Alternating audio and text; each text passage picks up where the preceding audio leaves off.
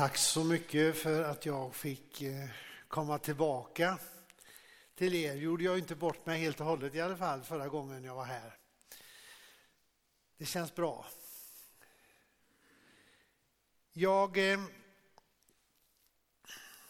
tänker dela utifrån ett bibelord i andra Thessalonikerbrevet idag med er. Och min rubrik för predikan är kallad till likhet med Kristus. Kallad till likhet med Kristus.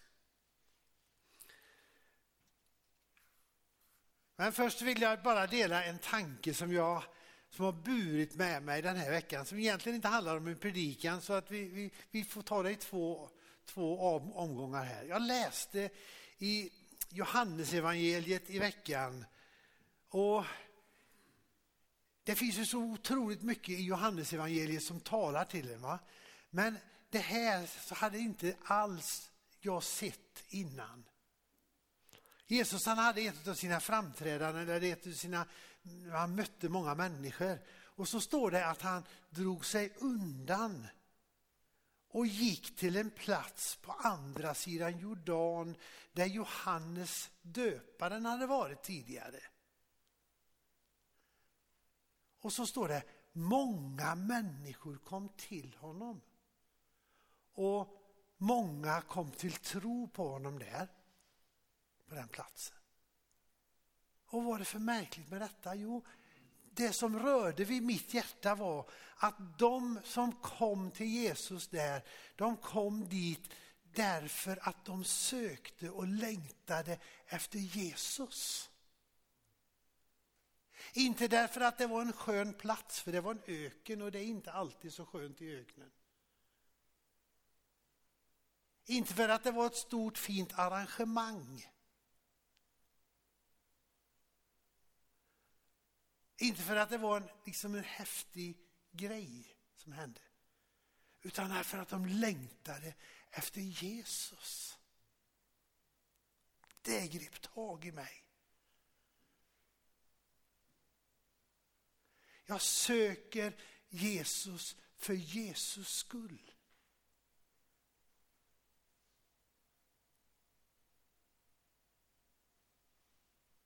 Det tog tag i mitt hjärta. Pelle, varför söker du Jesus? Vi ber tillsammans. Herre, vi tackar dig för att vi får komma inför dig den här söndagen. Tack Herre för att vi får läsa ditt ord, söka dig därför att du är den du är.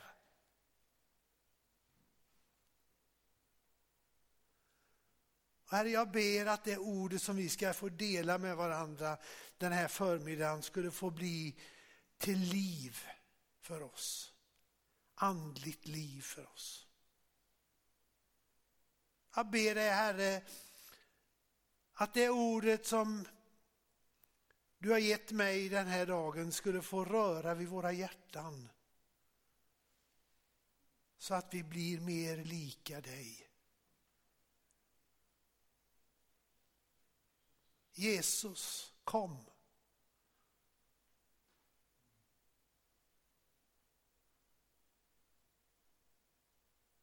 I Jesu namn. Kallad till likhet med Kristus. Andra Thessalonikerbrevet är ett brev, jag ska ge en liten bakgrund till det först innan jag läser de verserna som jag ska predika över. är ett brev som har en avsändare, nej, tre avsändare faktiskt. Paulus, Silvanus och Timoteus har skrivit under på det här brevet. Paulus är troligtvis författaren och de andra två har tyckt att det här var bra. Vi sänder det. Mottagaren är ganska intressant att läsa om i, i brevet. För det står så härligt tycker jag i de första verserna där. Så står det så här. Från Paulus, Silvanus, Timoteus till Thessalonikes församling som lever i Gud, vår far och Herren Jesus Kristus. Nåd vare med er och frid från Gud vår far och Herren Jesus Kristus. Alltså mottagarna är församlingen i Thessaloniki som lever i Gud. Som lever i Gud, vår far och i Herren Jesus Kristus. Det är faktiskt värt att stanna upp inför de orden lite. Vad innebär det att leva i Gud?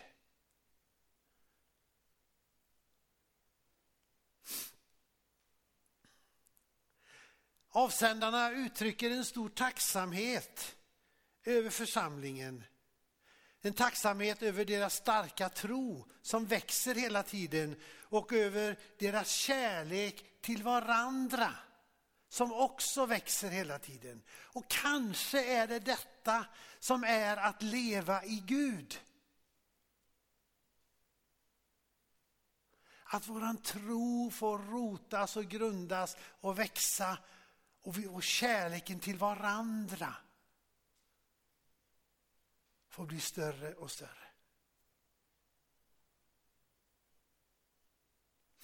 Och detta sker trots, eller kanske är det på grund av förföljelser man möter. De möter nämligen en hel del förföljelser i församlingen där. Men Paulus tröstar dem och med att tala om Guds rättvisa dom som kommer att ske när Jesus kommer tillbaka. Då kommer förföljelser och lidanden att vända till någonting annat. Men det finns ett problem och det är bra att ha med sig det problemet in i predikan här. Det finns ett problem med några i församlingen som eh, säger att Jesu tillkommelse står för dörren, ja till och med redan har hänt. Vad jag kan förstå. Man jagar upp folket, man skrämmer människorna och, och, inför Jesu tillkommelse. Man skapar en rädsla och en fruktan med sitt budskap.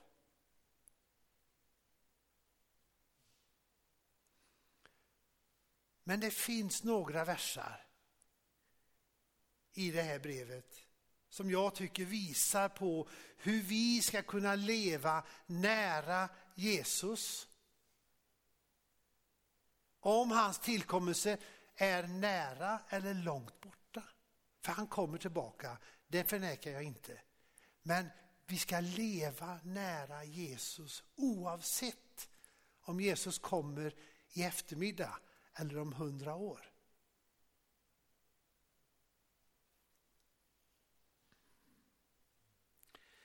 Och nu till de verserna i Andra Thessalonikerbrevet kapitel 2, vers 13 och 14. Det skriver författaren så här.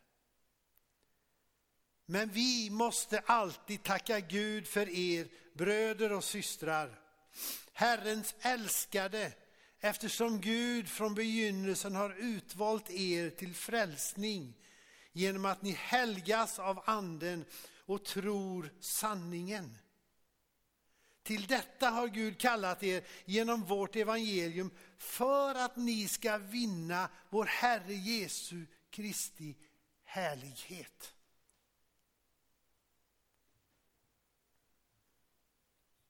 Här finns med några saker som är viktiga att tänka på i vårt liv med Gud. Och här finns också med vad är syftet med det som Gud vill göra i dig och mig. Där börjar jag ha fyra punkter nu, så nu vet ni, kan ni veta det. När jag börjar, kommer på den fjärde då, då är det snart över.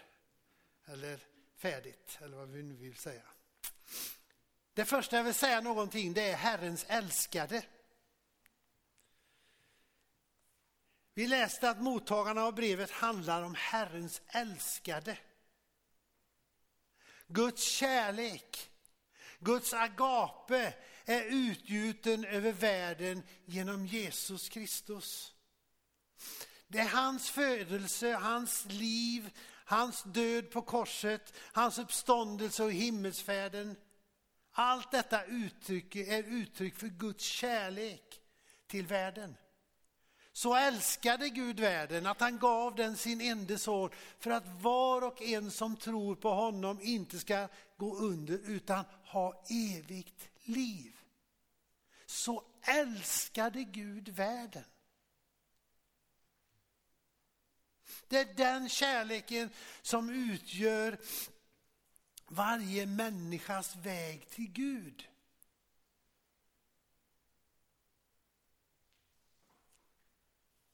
Jag tänker så här att varje människa som går på den här jorden är kallad och utvald och älskad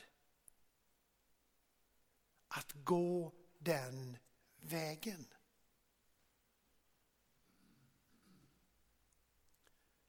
Men det är viktigt det med vägen. Kärlekens väg. Jag ska försöka ta en liten bild.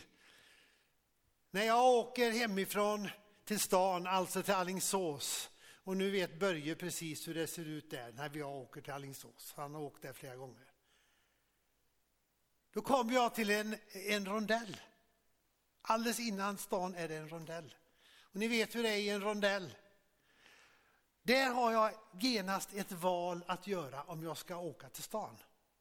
För om jag tar höger i rondellen, då kommer jag in på ett, eh, på ett eh, industriområde och där är det stopp. Om jag tar vänster i rondellen så, så kommer jag in på ett annat industriområde och det är också stopp där. Jag kommer tillbaka till rondellen ändå. Men om jag åker rakt fram i rondellen, då kommer jag till stan.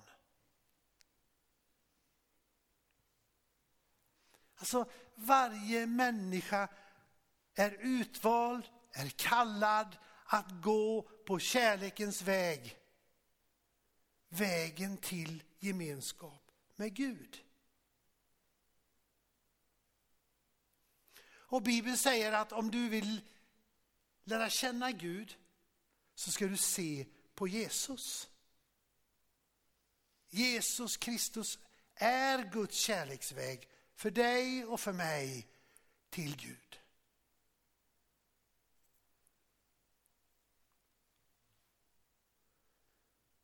Det andra jag vill säga någonting om som stod i texten, det stod från begynnelsen. Från begynnelsen har Gud utvalt. Och då kanske någon tänker så här, är det predestinationsläran han pratar om nu då? Ja, det var ett svårt ord, var det någon annan som tänkte. Vet du vad det är? Predestinationsläran, David? Nej, det är inte konstigt att du inte vet det. Ett sånt märkligt ord. Det finns en lära som säger att, att eh, frälsningen eller fördömelsen är förutbestämd av Gud och därmed ingenting som jag kan påverka. Är det det Paulus talar om? Nej, det är det inte. Skulle jag vilja säga. Det är inte predestinationsläran. Därför att, som jag har sagt tidigare, vi är kallade, vi är utvalda av Gud, alla människor, till frälsning. Vi är utvalda och kallade till evig gemenskap med Gud. Och det sker genom att vi, som texten också talar om, tror sanningen och låter oss helgas av anden. När Gud skapade världen, när Gud skapade universum så har han en tanke. Han har en vilja och han har ett mål med sin skapelse. Vi är inte utkastade i universum på måfå. Det är inte en tillfällighet att du är här.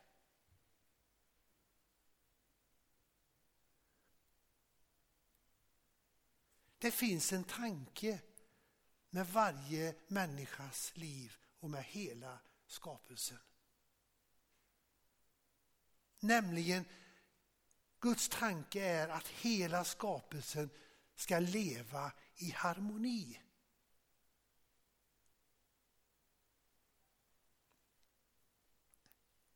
I harmoni med varandra, i harmoni med övriga skapelsen har Gud tänkt att vi ska leva. Men människan har gjort ett ödesdigert val. Därför att människan väljer bort Gud för sina egoistiska syften. Vi kan läsa om detta i första Moseboken. Och det fortsätter. När vi i, i Vårgårda 2010 hade partiledarutfrågningarna och Torsten Åhman hade hand om dem. Så tog han fram, hade, hade, vi hade besök av Maria Wetterstrand som var Miljöpartiets eh, högsta språkrör på den tiden. Och Torsten säger till henne så här, frågar henne så här. Vad är det största hotet mot miljön? Hon tvekade inte en sekund. Hon sa egoismen, sa hon. Jag glömmer det aldrig för hon var så rapp. Egoismen. Och jag tänkte ganska snabbt, tänkte jag så här, vad är det största hotet mot mänskligheten? Egoismen.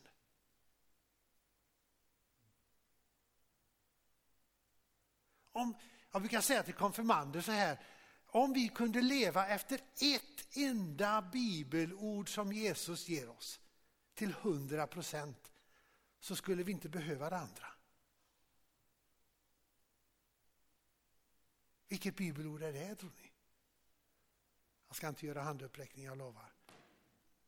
Allt vad ni vill att människorna ska göra för er ska ni också göra för dem. Det räcker inte med 99 procent uppfyllelse av det bibelordet emellan oss för att vi ska slippa all, slippa en massa bröte. Men 100 procent.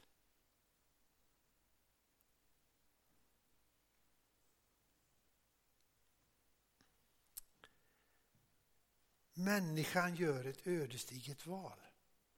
Men trots detta Trots detta så finns Guds kallelse, Guds utväljelse kvar. Den står fast. Den rubbas inte. Han säger ändå kom och följ mig.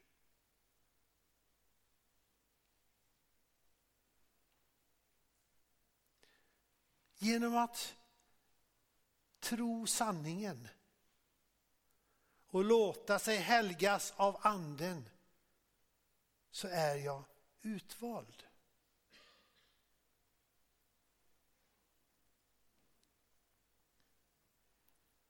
Det tredje jag vill säga någonting om det är just detta att helgas av anden. Ursäkta mig att helgas av anden. Anden, det är Gud närvarande här och nu.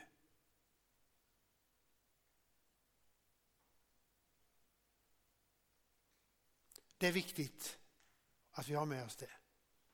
Gud är närvarande här nu genom sin ande. Han är här.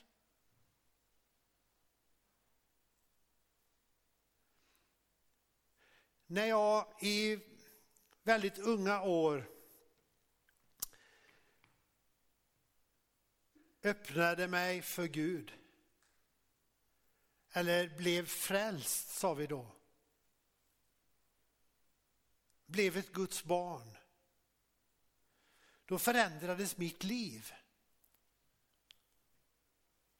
Det förändrades genom att Guds ande tog plats i mitt innersta rum.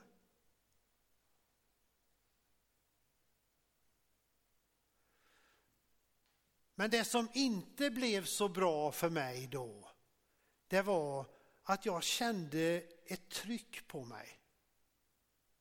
Ett tryck på mig att vara på ett visst sätt, att tänka, tycka, se ut på ett visst sätt. Det blev liksom en ryggsäck som jag fick på mig som jag skulle bära. Och det var inte att helgas av anden. Helge, helgas eller helgelse, vad betyder det egentligen? Det är ju inte ett ord som vi använder sådär i vardags, eller gör vi det? Nej. Men det finns egentligen inget ord, jag kan inte hitta något ord som skulle kunna ersätta det, något modernt ord. Så därför måste jag använda detta ordet. För det här är någonting väldigt viktigt. Att helgas betyder att heliggöras. Var det lättare då? Att göras helig.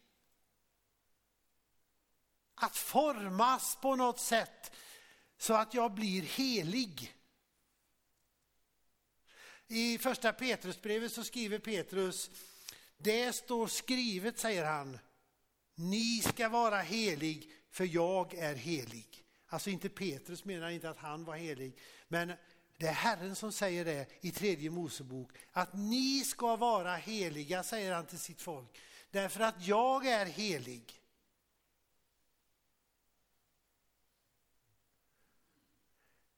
Du är kallad till likhet med Kristus. Det är Guds tanke med ditt liv.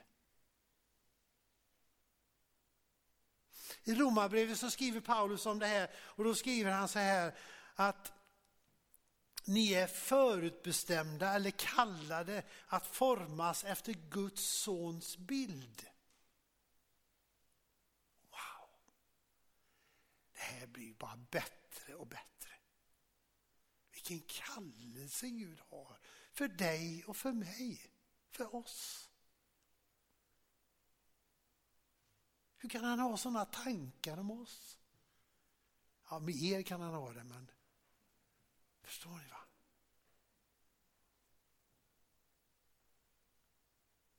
Att helgas av anden, det handlar om att tillåta Guds ande som redan bor i dig när du sagt ditt ja till Jesus.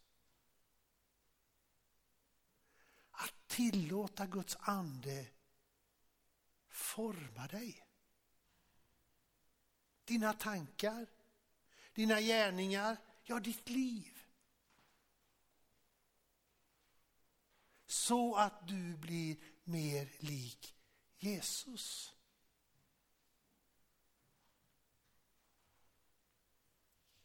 Att helgas av anden handlar om andens frukt. Andens frukt i ditt liv. Paulus talar om det i Galaterbrevet. Andens frukt är kärlek, glädje, frid, tålamod, vänlighet, godhet, trofasthet, självbehärskning. Och vet ni vad? Jag har upptäckt den här senaste veckan att jag behöver ha mer självbehärskning. Ja, det är otroligt alltså.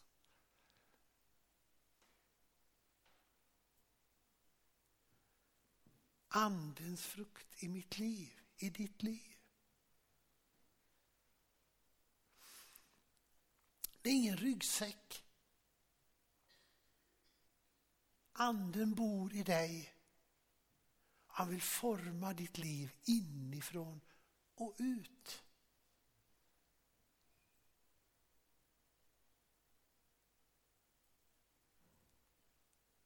Forma dig till likhet med Jesus. Det är inte Pelle Marklund som har hittat på detta. Det är inte jag som säger detta. Det är Guds tanke om dig. Jag vill att du ska ta till dig det här. Jag tycker det är en uppmuntran. att Gud har tänkt detta om dig och mig.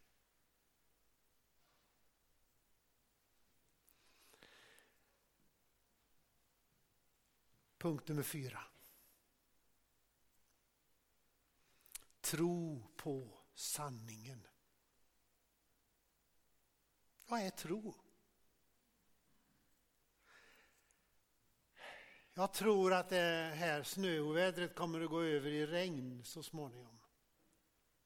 Nej, det är inte tro som Bibeln vill säga. Tron är mycket mer än en tanke. Det grekiska ordet pistis som är översatt med tro betyder också trofasthet, förtröstan, förtroende och tillit.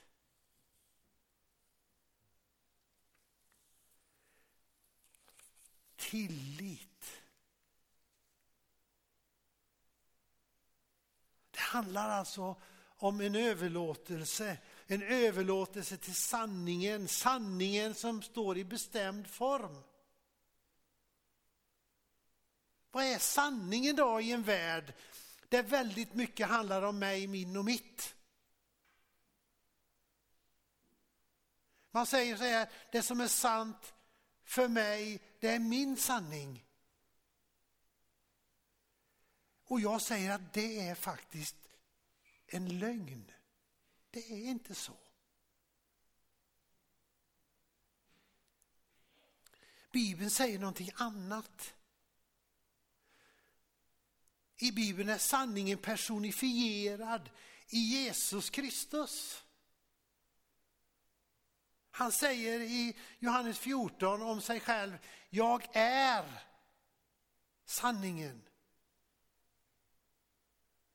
Jesus är sanningen om Gud. Han är sanningen om livet. Han är sanningen om evigheten. Och han säger sanningen till dig idag när han säger, jag vill forma dig till likhet med Jesus Kristus.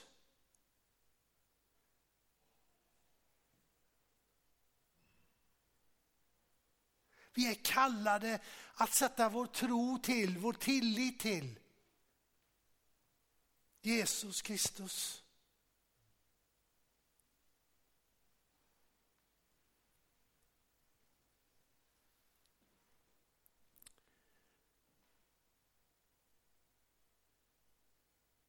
Han som är sanningen.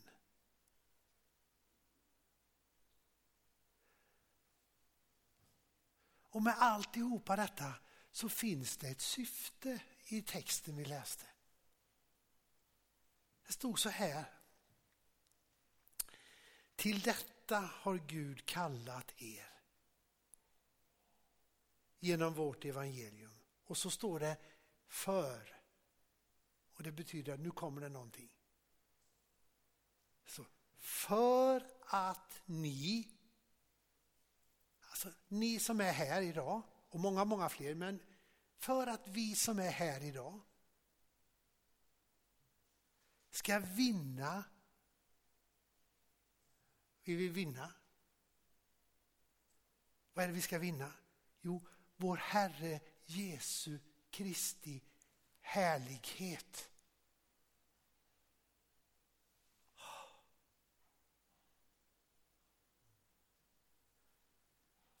Tack gode Gud. Det är hans tankar om dig. Han vill att du ska vinna Guds härlighet.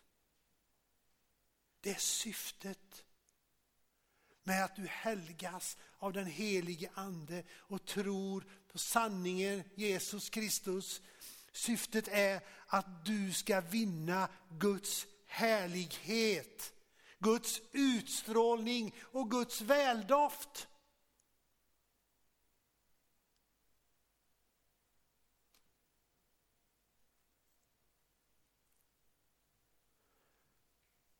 Och vet du vad? Alltså jag går på gym, jag tränar, jag håller igång den kroppen. va. Så jag, kan, jag är stark. Men det hjälper inte. Jag har en almanacka. Jag kan planera in varenda dag och göra saker i almanackan som är riktigt bra. Men det hjälper inte. Det har inte med det att göra. Utan jag kan bara slappna av. Och så kan jag säga, gode Gud, ta hand om mitt liv. Kom helige ande, helga mig så att jag blir lik Jesus.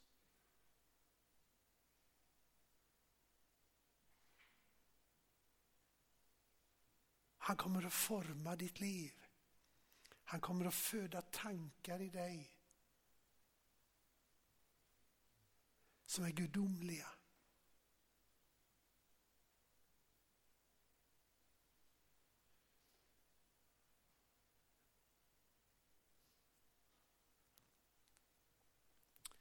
Vi måste bara släppa taget lite, släppa på handbromsen och låta Guds ande göra det han har tänkt. Amen.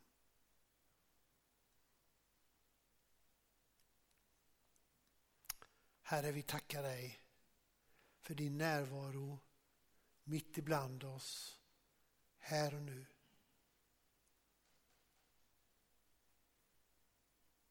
Du är inte långt borta från någon enda av oss. Du är lika nära som luften vi andas.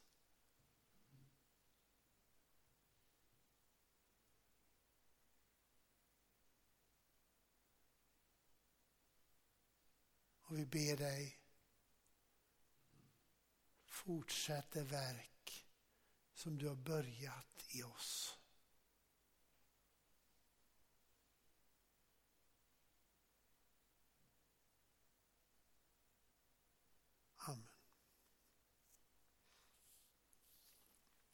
Om en stund så ska vi sjunga tillsammans och vi ska få ha en stund av bön och då kommer jag att finnas där borta vid det bordet eller vid den ringen där.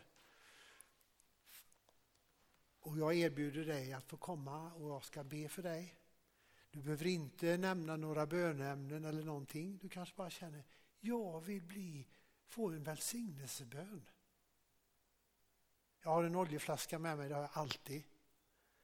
Och jag smörjer dig gärna med olja. Smörjer ett kors i pannan på dig och ber om Guds välsignelse över ditt liv. Bara helt kort. Om det är så att du har något behov så får du nämna det också och vi ber för det. Ingenting är för stort och ingenting är för litet. Men jag kommer att finnas där för dig.